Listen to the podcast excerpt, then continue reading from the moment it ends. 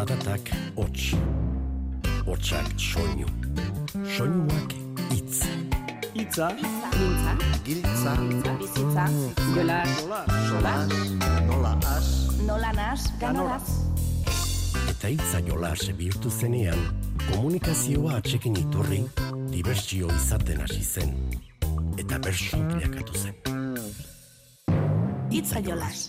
Bagatoz geure doinuta itzen eskolaz, Plaza alperri galtzen utzi ezin inolaz, Kaixo hori otarra, kaixo San Nikolas, Dena da txapelketa numerota solas, Ta gaur etorri gera egitera jolas, Ta gaur etorri gera egitera jolas.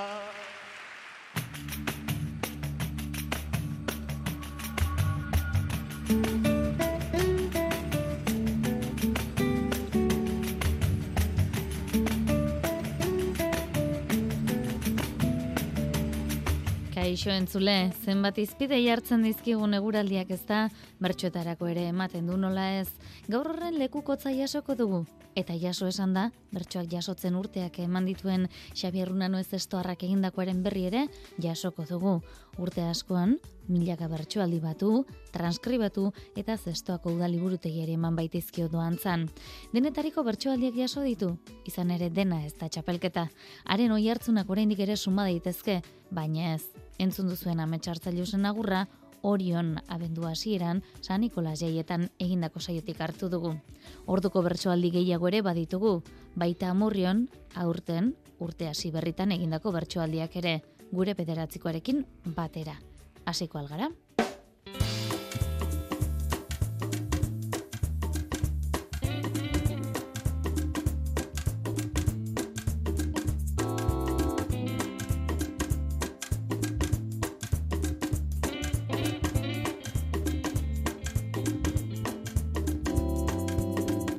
Badakizu ongi aski eguraldiak askotan ematen duela izpidea, ez bakarrik igo gailuan, aspaldian topo egin ez duzun batekin, erosketak egitean, zer esan handia ematen badu lanen etxekoekin eta ia denean.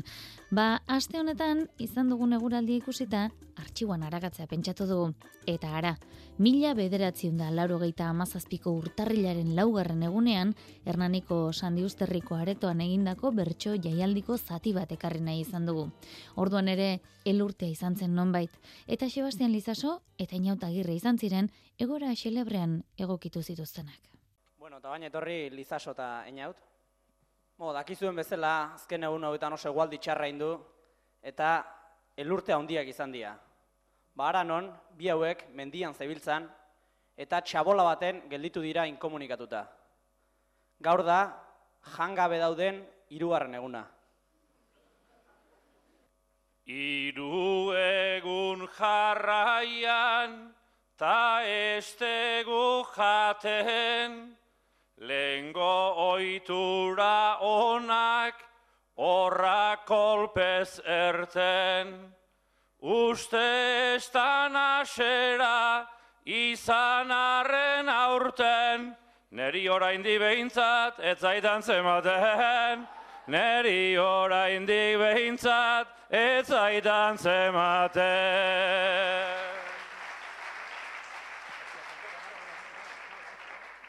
Sinistu itzazue beraren esanak, Einautek mantentzeko gaur dituan lanak. Haude gau hau gozia beraren afanak, lehenengo egunian jantzizkidan danak. Lehenengo egunian jantzizkidan danak.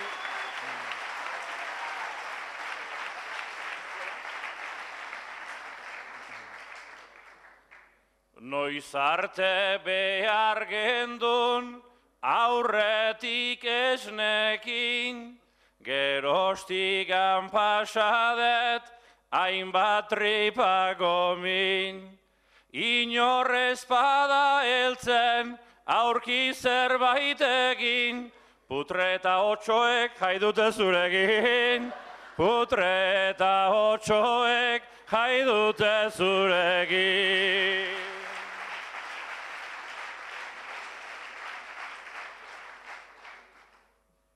Jangabe gabiltzagu, gaur egun eta gau, eta ezin eutxilean dago lizaso hau. Baina beste norbatek ez du ingo barau, eskerrak jainkuari ni jango ezpanau. Eskerra jainkuari ni jango ezpanau.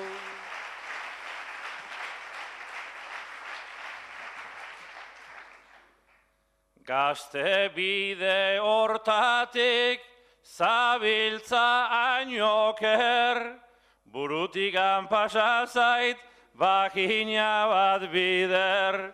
Jainko aiesti oso eskerrik eman behar, eskerra jategorik ez daukazun ezer. Eskerra jategorik ez daukazun ezer.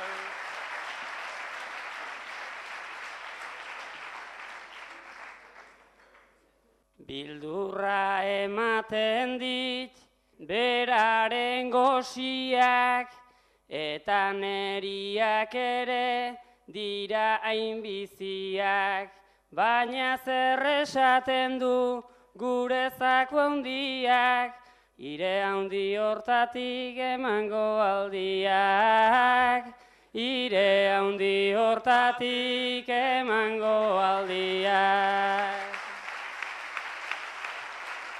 Mila bederatzen da laurogeita amazazpiko urtarrilaren laugarren egunean egindako saioko zertzela da bat entzun dugu, baina hogeita sei urteko jauzi egin eta 2008ko urtarrilaren laura etorriko gara, amurrion kokatuko gara oraingoan. Urte hasi berritan, oraindik ere gabon usainean murgilduta egin zuten saioa, Joanes Ilarregi, Alaia Martin, Maialen Lujanbio, Aitor Mendiluze, Oian Eiguaran, Bainat Gaztelumendi ere Ibartzabal eta Julio Soto ziren kantuan, eta intzan irazusta arduratu zen gaiak jartzeaz. Jarrien entzungo dugun saioan, Julio eta Alaia hariko dira kantuan, Alaiak urte zarrari agurresan, eta berriari ongi eman emanda, etxera itzultzean, Julio ama sukaldean topatu du, urte berri eguneko otordua prestatzen. Alaia, urte zar gauean, festara atera eta goizal, goizaldera etxeratu zarenean, Julio ama jaikita eta sukaldean ikusi duzu familia guztiarentzat urte berri eguneko bazkaria prestatzen. Ederki pasadugu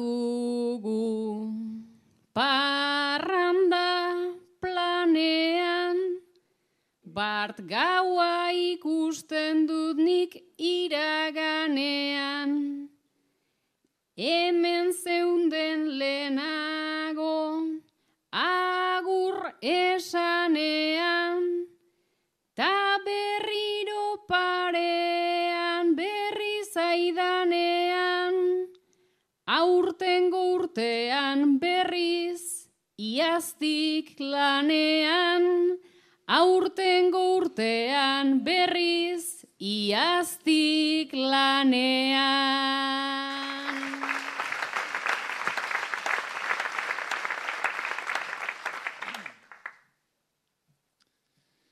Naiz gure familia ez den handia, Sutan bakarrik ez da ja eltzekaria, Lengo urtean prestatu nuen afaria, Aurten prestatu behar bainun bazkaria, Lasai alaba ez da lehenengo aldia, Lasai alaba ez da lehenengo aldia.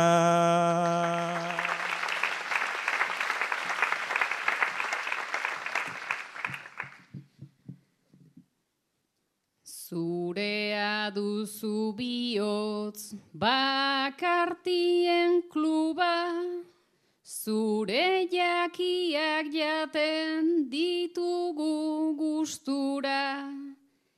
Entranteen gustua arrainen freskura, dena lehen lerroan eskutik eskura, azkena izateko garaia heldu da, azkena izateko garaia heldu da.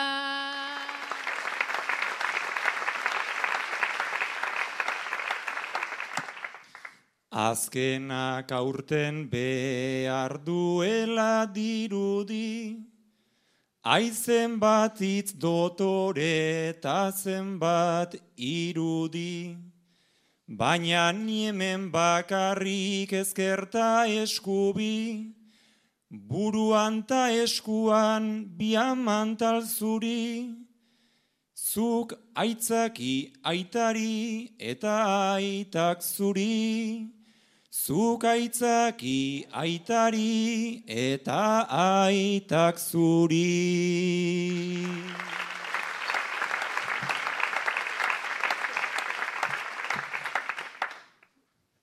Aita eta biok beti gabiltza antzeko, Aita alper eta nirresak astrantzeko, Garaia iritsi da zerbait aldatzeko, Nik ez daukat jakirik platera estaltzeko, baina napolitanak dauzkat gozaltzeko, baina napolitanak dauzkat gozaltzeko.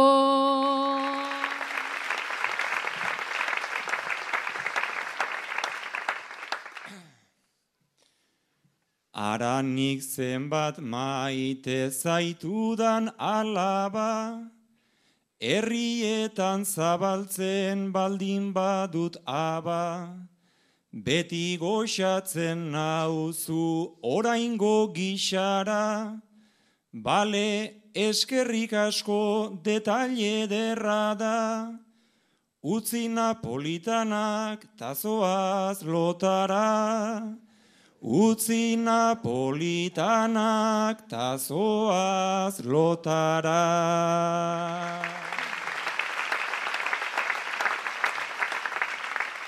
Beta zaletan dut bai nekearen zama, zuk burukian jarri didazu pijama, tanik trukean zer dut ba napolitana, bihotzez sentitzen dut esan ez izana, ez dizut inoiz esan ta mil esker ama, ez dizut inoiz esan ta mila esker ama.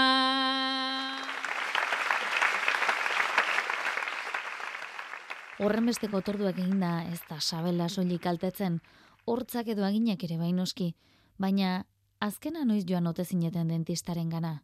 Maialen lujanbio aspaldian ez da, aitorren gana joan, nonbait. Gabon hauek pasa maialen, eta irurogeita mar urtean, lehenbiziko aldia da dentistaren joan zarela.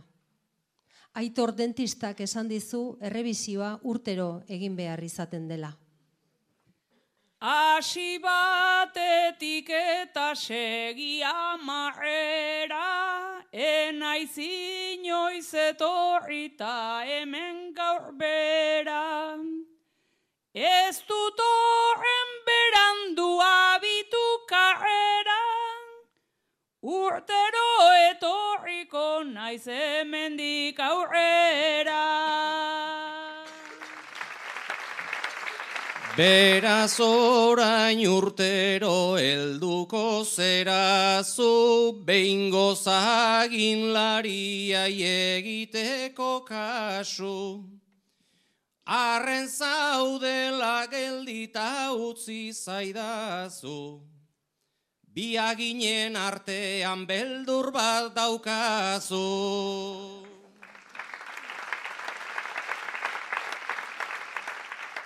Beldurra zuri dizut ez paizaitut laket, onera etortzeko erreparoa det. Hortzonak dauzkadala itortu dezaket, ez palizkit puskatu turroi eskaz batek. Urtero turroi zuri gogorra opari eta zuk koska egin behar noski ari. Aitzak itxarra entzundet nik ondotik adi, kaso egin behar diozu zeure buruari.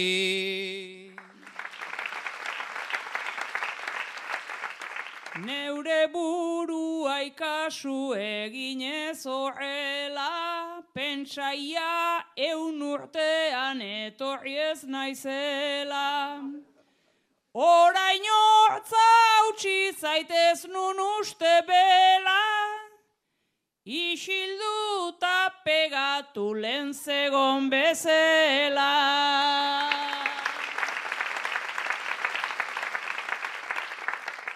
Beraz jarri nahi nauzu konpontzelanetan, zeo zer egiteko zure aginetan. Behin pegatzen hasita dudadet benetan, kola hortzetan eman edo Espainetan.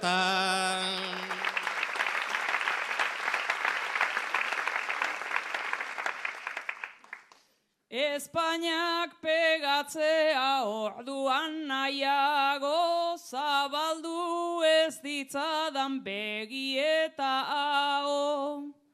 Bada espada pentsatu egin baino lehenago, nere kartera ere itxatxita dago.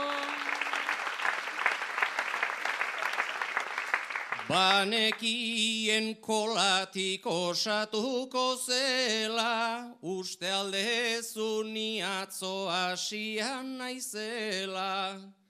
Baina moldatuko naiz lasai zaitezela, kartera zulatzeko aginak bezala.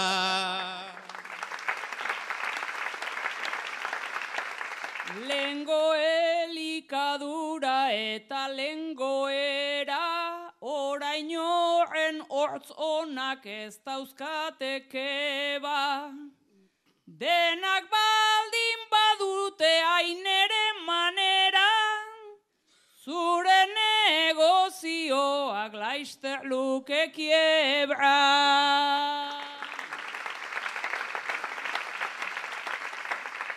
Ez jendea zaintzen da zu baino gehiago, ni lan aldetik behintzat osatuta. Ta erronka jartzen dizut beldurraz arago, beste behintzatoz behintzat hil baino lehenago.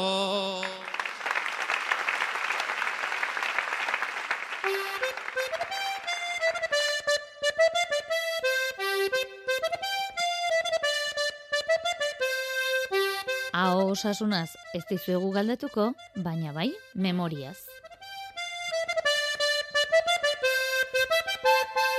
Zer moduzkoa da zuen memoria? Gogoan hartzen ote dituzu entzundako bertsoaldiak? Edo gaia behintzat gutxi gora bera kantatutakoa zer izan den kontatzeko moduan? Edo bertsoak idatziz jasotzen dituzten horietakoak zarete? Gero gordetako horrekin zer egin ordea? Dira galdera hau zergatik egin dugun jakin nahi baduzue, berehala kontatuko dizuegu. Xabier Runanuek zestoako bertsoa ditu eta zaleak herriko udali burutegiari milaka bersoren bilduma eman baitio doantzan. Urte asko daramatza, bateko eta besteko jaialdietako bertsoak biltzen eta transkribatzen. Mila behatziron da irurogeita amasien hasi, eta 2000 garren urtera arte esaterako. Santakedako koplaak, naiz basiarri, ustapide eta xalbador bersolarien bertsoak daude tartean. Zestoan bertso idatziaren arrastoan izenarekin bildu duen bertso sorta handiaren inguruko hainbat jakingarri, Mari Jose Uria lankideak eskainiko dizkigu, bera mintzatu baita, Xabier Unanoerekin berarekin. Kultura sustatzailea da Xabier Unanue zestoako zinemaren historian eta zine munduko egitasmoen sortzaile eta partaide modura egindako lana ere nabarmentzekoa da. Bertso zalea eta aditua hogeita bost urtetan bildutako berrogeita bi mila bertso inguru transkribatu aditu eta material hori doaintzan eman dio udal liburutegiari. Egileak esan digunez, irurogeita maseian zestoan antolatu zuten bertso jaialdiaren ondoren abiatu zen bertsoak biltzeko prozesua santagedako koplak ere sartuta daude. Telebizio jaialdi ja iru eta izan zen, zantageda inguruan. Eta hor, goratzen naiz, e, gai jartzen e, Jose Mari Iriondo zen, arloi lehirratiko ezataria, eta beak baimen eskauzion bertzu gerra batzeko. Tesarion bat, txola, ingoen komentik alderan zeit interesatzen Baina, baina trukean, ez de kopia bat jasotzea komenitzea igula. Eta hortik hasi ginen. Eta hain zuzen ba, geho, eta bosturtian, 2000 urte arte, geuk jardun gendun dago osgarren urte arte, jasotako grabazioak eta hortik hasi ginen, hasi nintzen bintzat zuzenian bertsoa jasotzen. Bi fasetan egindako lana da, aurrena bertsoak eta koplak jaso egin zituen, eta ondoren aurre jubilatzean denbora gehiago eskuartean eta bertsoak transkribatu zituela esan digu xabiruna nuek. Jasotzen jardunuan eta gerostikan ondorenian baita ere, hemen zantage da bautxura handia izan du betidanik, eta ibiltzek ginen, eta horiek ere, laro eta mabian azen izan, eta 2000 eta maboste inguru artez eh, jasotzen, baina bi lan daude, alde bat dikan bertsoa jasotzea, eta hori izan zen lehenbiziko fazen indagoa, eta gero transkribitzean, ba, prejubilau nintzen, zate bateko, ba, 2000 eta lauan, bost, illa bostean prejubilatu nintzen, eta orduan konturatu nintzen, ba, bertso pila bat banuela eskuartean, eta bueno, denboa pasa, eta hazin izan transkribatzen. Kaseteetan grabatua zituen unanuek bertsoak eta honen zaletasuna ikusita Laxaro Garatek beste eunda mar bat ere bere eskutzi zituen. Eh, Zantzia, e, Javier, e, bertso aiz, eta nik abe galperez eskat, eta nahi eskura, eskura zizkidan eunda amar bat kaset inguru nire eskura. Eta jakina, lehen honazkan kasetakin eta behar ematzian egin, ba, bilduma desentia zegoela, eta hortik, hortikan hasi nintzen transkribizien, eta horiek ere doitzen jartzen ditut, eta baita ere, lehen aipatu bezala, Santa Edan inguruan grabotoko, eta osturteko koplak. Bilduma handia da, esan bezala, transkripzioa liburutegiaren esku utzi du eta berez grabazioak, bertsoen zuzenekoa soinuz jasota dituzten grabazioak alegia, senpelar bertso dokumentazio zentroaren esku usteko asmoa du. Zenbat bertso saio, Baxarri, Salvador, Lazkao txiki eta Uztapide zestoarrarenak tartean zirela. Bertsolari handi bat, ez autu gendun, eta harremananik bereziki hortikan hartu nuen Uztapide eta Uztapideen bertsoarekin. Eta jakina, garai hartan Uztapide iru eta mabir arte kantatu zuen, iru eta mabian mututu zen, eta orduan garai hortako bertsua dia hain zuzen e, jasota daurenak, eta bertso horiek e, zestuko gizanik, ba, bueno, ba, bertan jartzia, ba, oso eoki izango zela pentsadet. Hainbeste bertson artetik zaila da bakar bat aukeratzea, baina burura etorri zaio Xavier Unanueri lazkao txikik bere askari kantatu ziona. No, asko gesan dago da. Mila bertsion da laro egan zestun jaialdi bat izan zen, eta e, zinian anunzio gendun, eta geho hainbeste jende torre zante geho elizan inbar izan gendun. Eta zai hortan lazkao txikik kantal zuan, e, bi bertso kantatu zituen, be, zehazkai kantatutakoak. Bertso abek bolo-bolo ibilizian eta laskatxekin bertso igonen eta gozela konsiderazian. Ni bintzat gogoen dauzkaten bi bertso igonen eta gu laskatxekinek zestuan kantautako dia mila behatziron laro behian. Eta gai berarekin, idia zabalen, lauro gitamarrean esaterako bertsolariak zehazkari kantatu zizkion bertsoen zatitxo hause. Aztu ez ziniko oroitzamenak, orain di dauzkat kolkoan. Esan bezala, zestoako da librutegiak doaintzan jaso du bertso bilduma sorta bikaina, Xabir Unanuek egin duen lanaren ondaria. Zertzela bat entzun dugunez, ardezagun bapatxa da, idia zabalen mila bederatzen da larogita amarreko abenduaren amaseian, Jose Mielizu eta Lazkao txikik sehaskari botatako bertsoak berritzeko. Lazkao txiki, gaur, etxeko gambara txukintzen ari zerala, zu hasi zinen sehaska aurkitu duzu. Zu hasi zinen sehaska aurkitu duzu. Bota izketzu, iru abertso.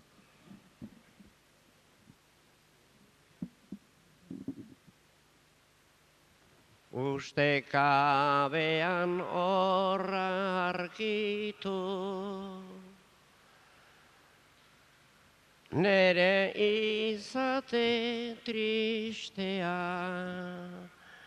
hainbeste merezidun pitxia, dana zikinez betea.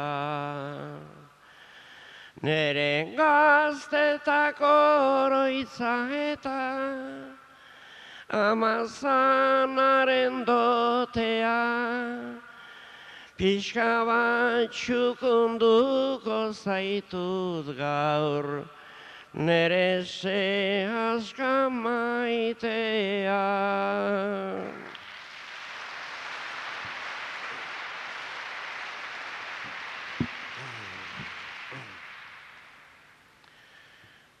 Zure arata onuntzakoak, orain dauzkat goguan, nola astindu izan ninduzun, niloak hartzerakoan. Eta amatxo isildu gabe, aritu zentzan ondoan. Aztu ezin igoroitzamenak, orain dauzkat kolkoan.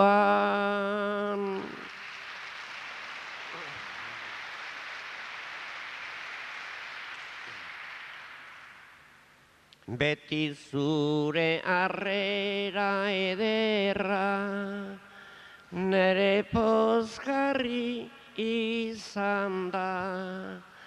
Bazterturik zaude hainbeste, atsegin goxo eman da. Amez goxuak egiten nitun, zure gainean etzan da. Urte askotan gorden ninuzun, aixak abitzen nitzan da. Jarraian entzungo ditugun beste hauek dira ordea, Xabier Nuez estoako bertsozaleak aipatzen zituen bertsoak. Kalitate aldetik ez dira guk nahiko genuken bezainunak baina tira, audioak kasu honetan duen balioarengatik egin dugu jartzeko hautaketa. Gogoratu dezagun zestoan, lazkao txikik sehaskari eskainetako bertsoaldia duzuela. Nere sehaska oraindik ere Gordean daukat goguan Neronek ere zailda esaten, zenbai maita zen ninduan. Bere gainean ibiltzen ninun, txoritxo baten moduan, karga haundirik ez nuen eta, Aixa jaso zen nindua.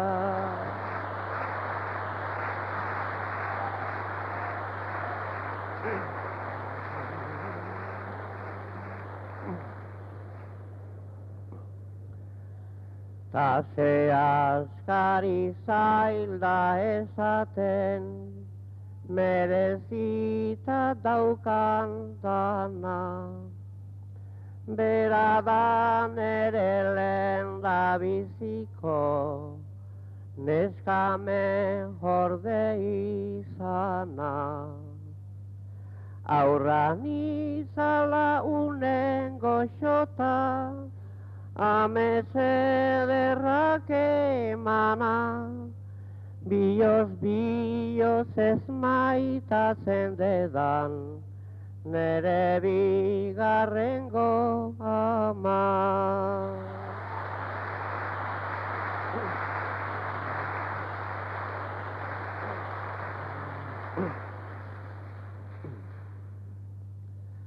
Arata onuntz astindutzen zan, osa jotzen zuen kun-kun.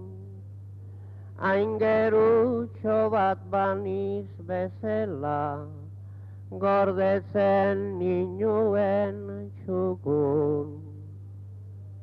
Amak erzetik kantatzen zuen, gero zehazkak erantzun, gaur dakitan euskera hau ere zukerako zizidako.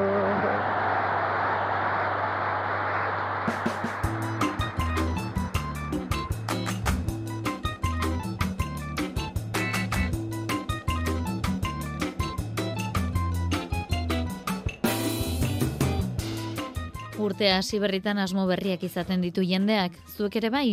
Babilbon abiatu berri den senyora bertso eskola ezagutu behar dugu jarraian. Jakina da Euskal Herrian bertso eskola ugari daudela, baina guk gaur bertso eskola sortu berri bati erreparatu nahi diogu. Bilbon, senyora bertso eskola sortu baita. Bertsolaritzan eta giro feministan murgiltzeko, baina honen inguruko berri emateko gurekin dugu. Oian abartra, bertso eskola honetako kidea oian arratsaldeon. Kaixo arratsaldeon. Nolatan sortu da senyora bertso eskola, zertan izango da ohiko bertso eskolatetik ezberdin? Bueno, ba, pizka bat e, e, modu mm, pizka satelitean sortu da, eh? E, bueno, June Fernandez jarri zen nirekin harremanetan, ba, gogoa zeukala e, bertxotan ikasteko, eta ja animatuko nintzen e, e, olako zerbait e, sortzen, eta, eta bueno, horrela, pizkate modu informal horretan sortu da. Mhm. Eta mm, beste bertso eskolatetik eh, alderatuta izango ezberdintasunik? Bai, hori, ba, senyora bertso eskola da, orduan, ba, senyore osatutako bertso eskola bat izango da, eta, eta bueno, gainera, ba, bentsate Bilbon dauden bertso eskola gehienetatik desberdina da, ba, e, ba, zerotik bertsotan ikasteko bertso eskola bat izango delako, eta, eta bueno, ez, ba, helduentzat, eta, eta espazio informal batean, eta pizkaterori ere, ba, neurri batean esoikoa. Mhm. Tira, lehenengo ba, hartu emana edo alkarren aurkezpena edo saio egin zenuten urtarrilaren amalauan, zer nolakoa izan zen? Ba, oso ondo joan zen, egia esan, ez genekien segertatuko zen, eh, esan, esan izan dugu ez, ba, zerotik eunera ez genekien lasuna pertsona agertuko ziren, eta, eta bueno, azkenean jende pila bat eh, agertu zen, eta beste batzuk etorri ezina ere adierazi ziguten, eta, bueno, ba, oso gironean e, joan zen eguna, jentea oso etxu ikusi genuen, eta aurrera ba, joateko do jarraitzeko ba, indarra eta gogoa eman ziguten. Mhm. Tira, e, horren beste jende, e, bakoitza ba, motibo ezberrin batek erakarrita, denak bertso gozez edo bertsoa nola osatzen den jakiteko irrikaz, e, ez dakit utxetik astean nondik heltzen zaion. Bertsoaren oinarria saltzeari, bertsoa bera saltzeari, edo ja herrimak topatzen hasi ote zineten jolasean. Bueno, oraindik ez gara ezertan hasi, aurkezpena izan zen, eta pixkat gehiago zen, ba, jendearen gogoan neurtzea, ze gaitik zegoen hor, eta aurrea begira ere ze asmo eta zego zeuden, orduan oraindik ez gara hasi, baina bai, printzipioz ba, aurrengo saioan, ba, asmoa, mintzate, bertsoaren oinarri batzuk edo, ba, ba, ba, azaltzea edo, eta gero jartik aurrea, ba, jolasean edo hasiko gara bai. E, aipatu duzu, senyora bertso eskola dela, emakume izuzendu nahi diezuela bertso eskola hau, edo gizonezko entzat ere interesgarri litzateke berez feminismoa zer den ikasi eta jorra dezaten? E, ez, prinsipioz hau senyoren bertso eskola izango da, eta zein, bete burua senyora txat daukan edo norentzako izango da. Ez dakit, senyora sariketarekin loturari baduen, horren ondorio izan ote daiteken, edo beste non baiten duen oinarria honek? Bai, bai, idea apur bat edo ari edo izena hortik e, e, hartu dugu, eh? E, senyora sariketa egin zenuen dela bi urte lehenengoz, eta, eta bueno, ba, inspirazioa eurei hartu, hartutakoa da bai. Mhm. Eta helburu gisa ze finkatu duzu lehen pausua eman berritan e, jendea bertsolaritzara erakartzea, feminismoan sakontzeko bidea bertxotan egitea? Bueno, ba, eh, helburuak e, apurra bidean jarriko baditugu ere, ba, pizka ba, bada helburua ba, espazio seguru bat eskaintzea bertzetan ikasteko, eta gero horrek ematen badigu bide ba, bestelako hausetarako, ba, ba, sare bat edo, ba, ba, gure arteko sare bat, ba, bertso giroan ere murgiltzeko, lagun arte bat sortzeko, edo bestelakoetarako, edo zer emango duen oraindik ezakigu ondo, baina baina, bueno, oinarria behintzat esan dizudan hori da. Mhm. Eta noiz izango da, senyora Bertso Eskolaren urrengo hitzordua? Bai, urrengo hitzordua urtarrilaren hogeta maikan izango da, aste artea da, arratzaldeko saspietan bira espazioan. E, ez dakit zehaztu duzuen dagoeneko maiztasuna, zenbatero elkartuko zareten, edo pixkanaka joango zareten agendak batzen? Gitxi gora bera hiru astean behineko e, maiztasunarekin jarri genituen data batzuk hemendik eta aste santura, eta gero aurrerago imaginatzen dut, aste santutik aurrerakoak ere jarriko ditugu, baina bueno, gitxi gora berako maiztasuna hori izango da. Mhm. Eta baldago jana entzule jakinaraztea komeni den edo nahiko zenuketen beste zerbait? Ez, ez, ez, ba, norbait interesatuta edo gogotxu baldin badago oraindik ba, dagoela, eta e, urtarriaren hogeta maikan bertan agertzen bada, ba, beso zabalik hartuko dugula. Mhm.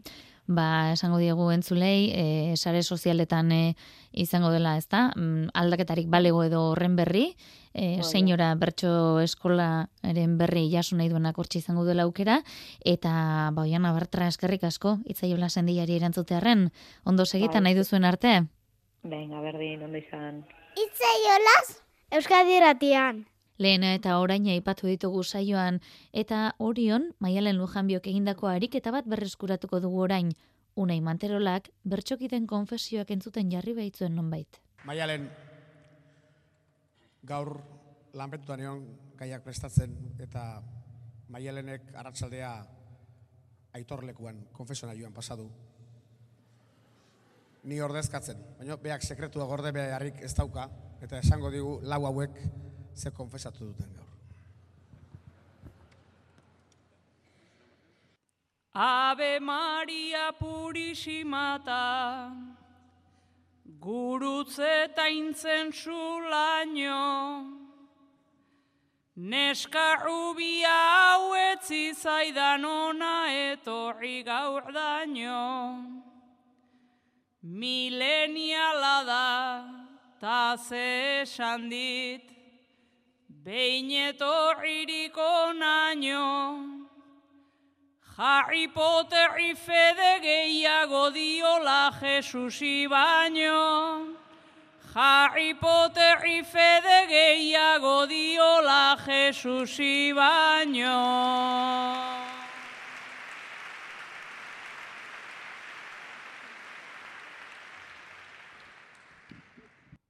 Kristautasuna ez dudalako, inoiz ondo entenditu, haren mirarita ura ardo, berak hainbeste meritu.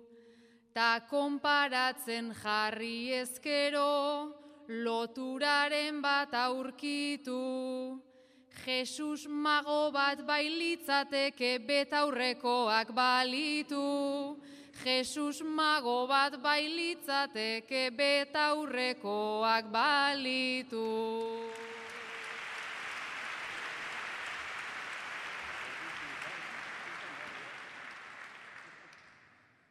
Sustraiko lina beti egunez, hain formal eta hain xalo, Gauek horikan ez du kontatzen, kontatze ez padu malo. Ia pegatzen ote zaizkion haren doai eta txalo. Andonie gainan panpin batekin egite omen du lalo. Andonie gainan panpin batekin egite omen du lalo.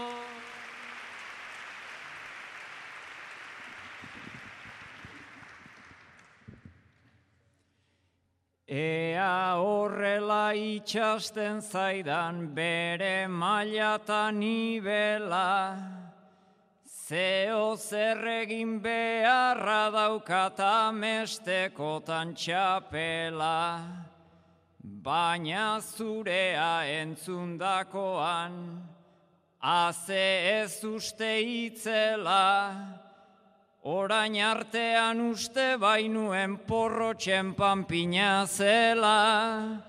Orain artean uste bainuen porro txempanpina zela.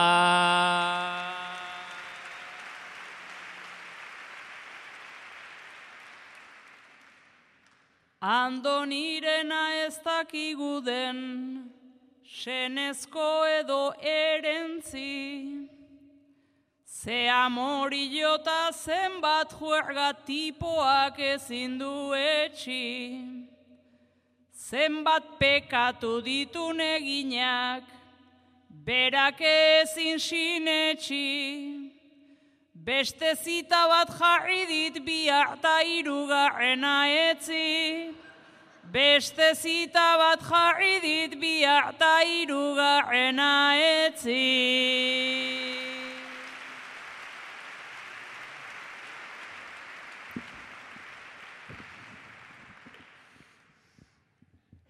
Gaur zita bat nun bihar bestea, ez da neretzat kaltean, etzita igual etzi da mure konfesiona jo atean, zapatuta jai etorriko naiz, tastelen taste artean, nik pekatari segin nahi nuke bizirik nagon artean, nik pekatari segin nahi nuke bizirik nagon artean.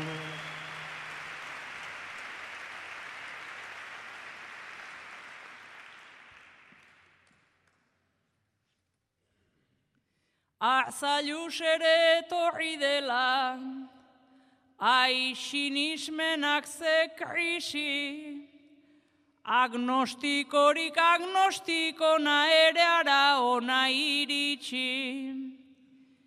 Inbiria du bere pekatu, eta zer du bakutizi. Apaiz izan ez baino nain gizan nahi omen lukela bizi. Apaiz izan ez baino nain gizan nahi omen lukela bizi.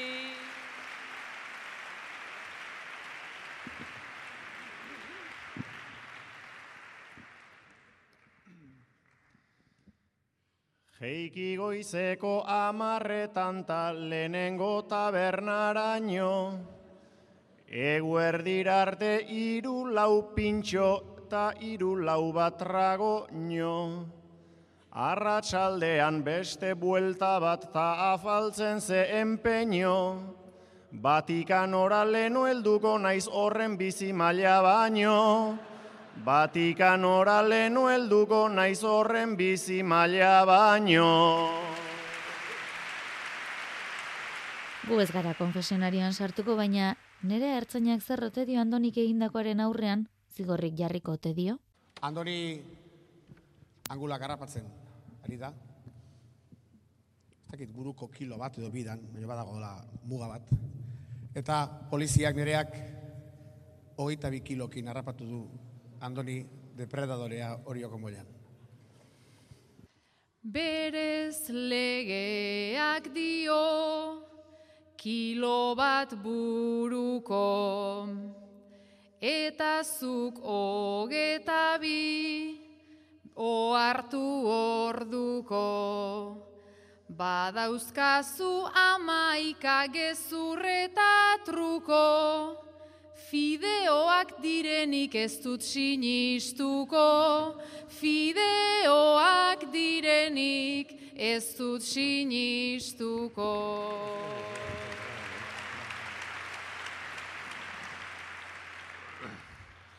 Erzaina omen zera eta erzain goren zure lana egoki nahi dezula omen. Aspaldiko kontua nola hori den ez ikusiarena egin behar dezu hemen. Ez ikusiarena egin behar dezu hemen.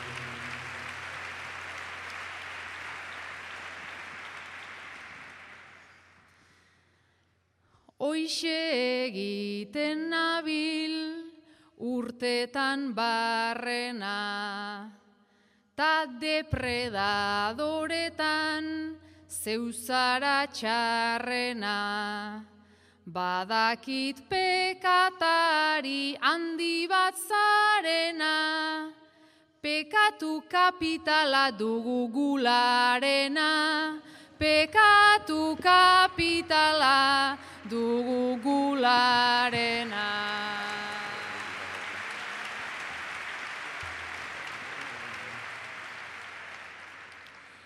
Erzaina izateko daukan lista planta, orain botia dit arrazoi galanta. Zer da hau oita iruko oraindik bat falta, ez zaitez aserratu hori iradata, ez zaitez aserretu hori iradata.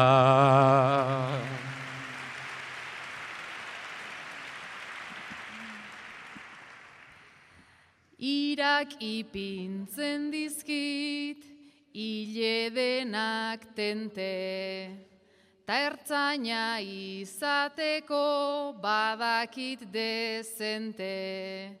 Turno luze luzetan horren beste neke, Ola ipiniko naizuk goraino bete, Ola ipiniko naizuk goraino bete.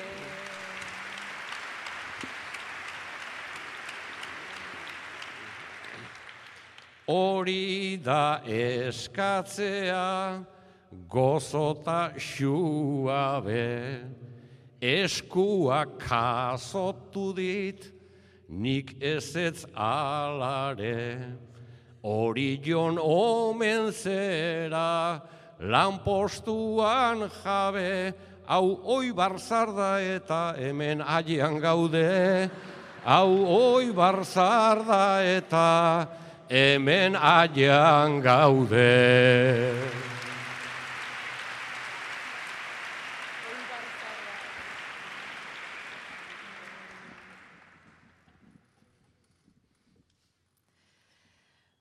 Zer ea oskatu duzun, nik ez dakit jakin, nastu egiten naiz, gipuzkoarra hauekin, aur arkauten ikasita egurrari ekin, isun berdinak dauzkat jende guztiakin, isun berdinak dauzkat jende guztiakin.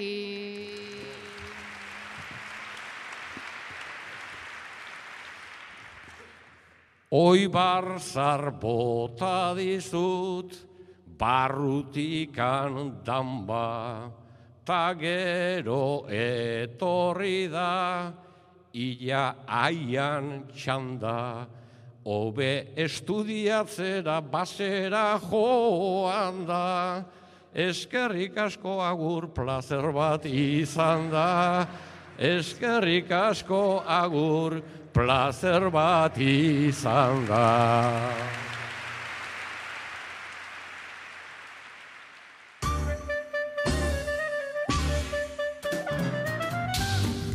Iker Ormazabal Hernaniarrak Asier Ibargureni luzatu zion bederatzikoa eta Portugaldik jaso dugu honen erantzuna.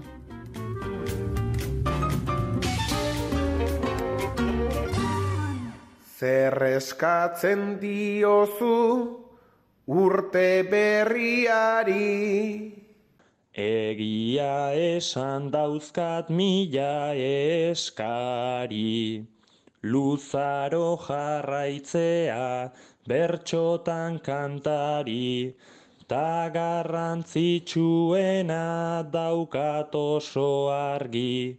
Denbora ugari hartzen det aspaldi egoteko adi neure buruari zorion izateko behar denari. Zorion izateko behar denari. Eta bueno, nire puntue perua jartzantzako da.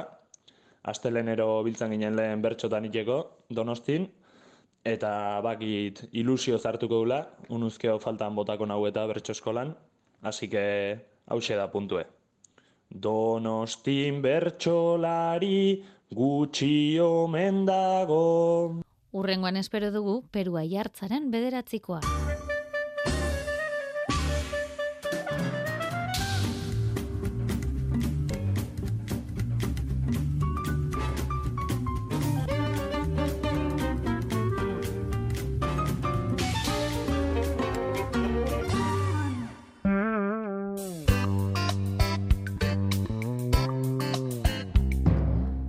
Hauixe guztia gaurkoz Julen San Martin teknikari eta biok bagoaz honen beste zurren arte, ondo izan eta zaindu.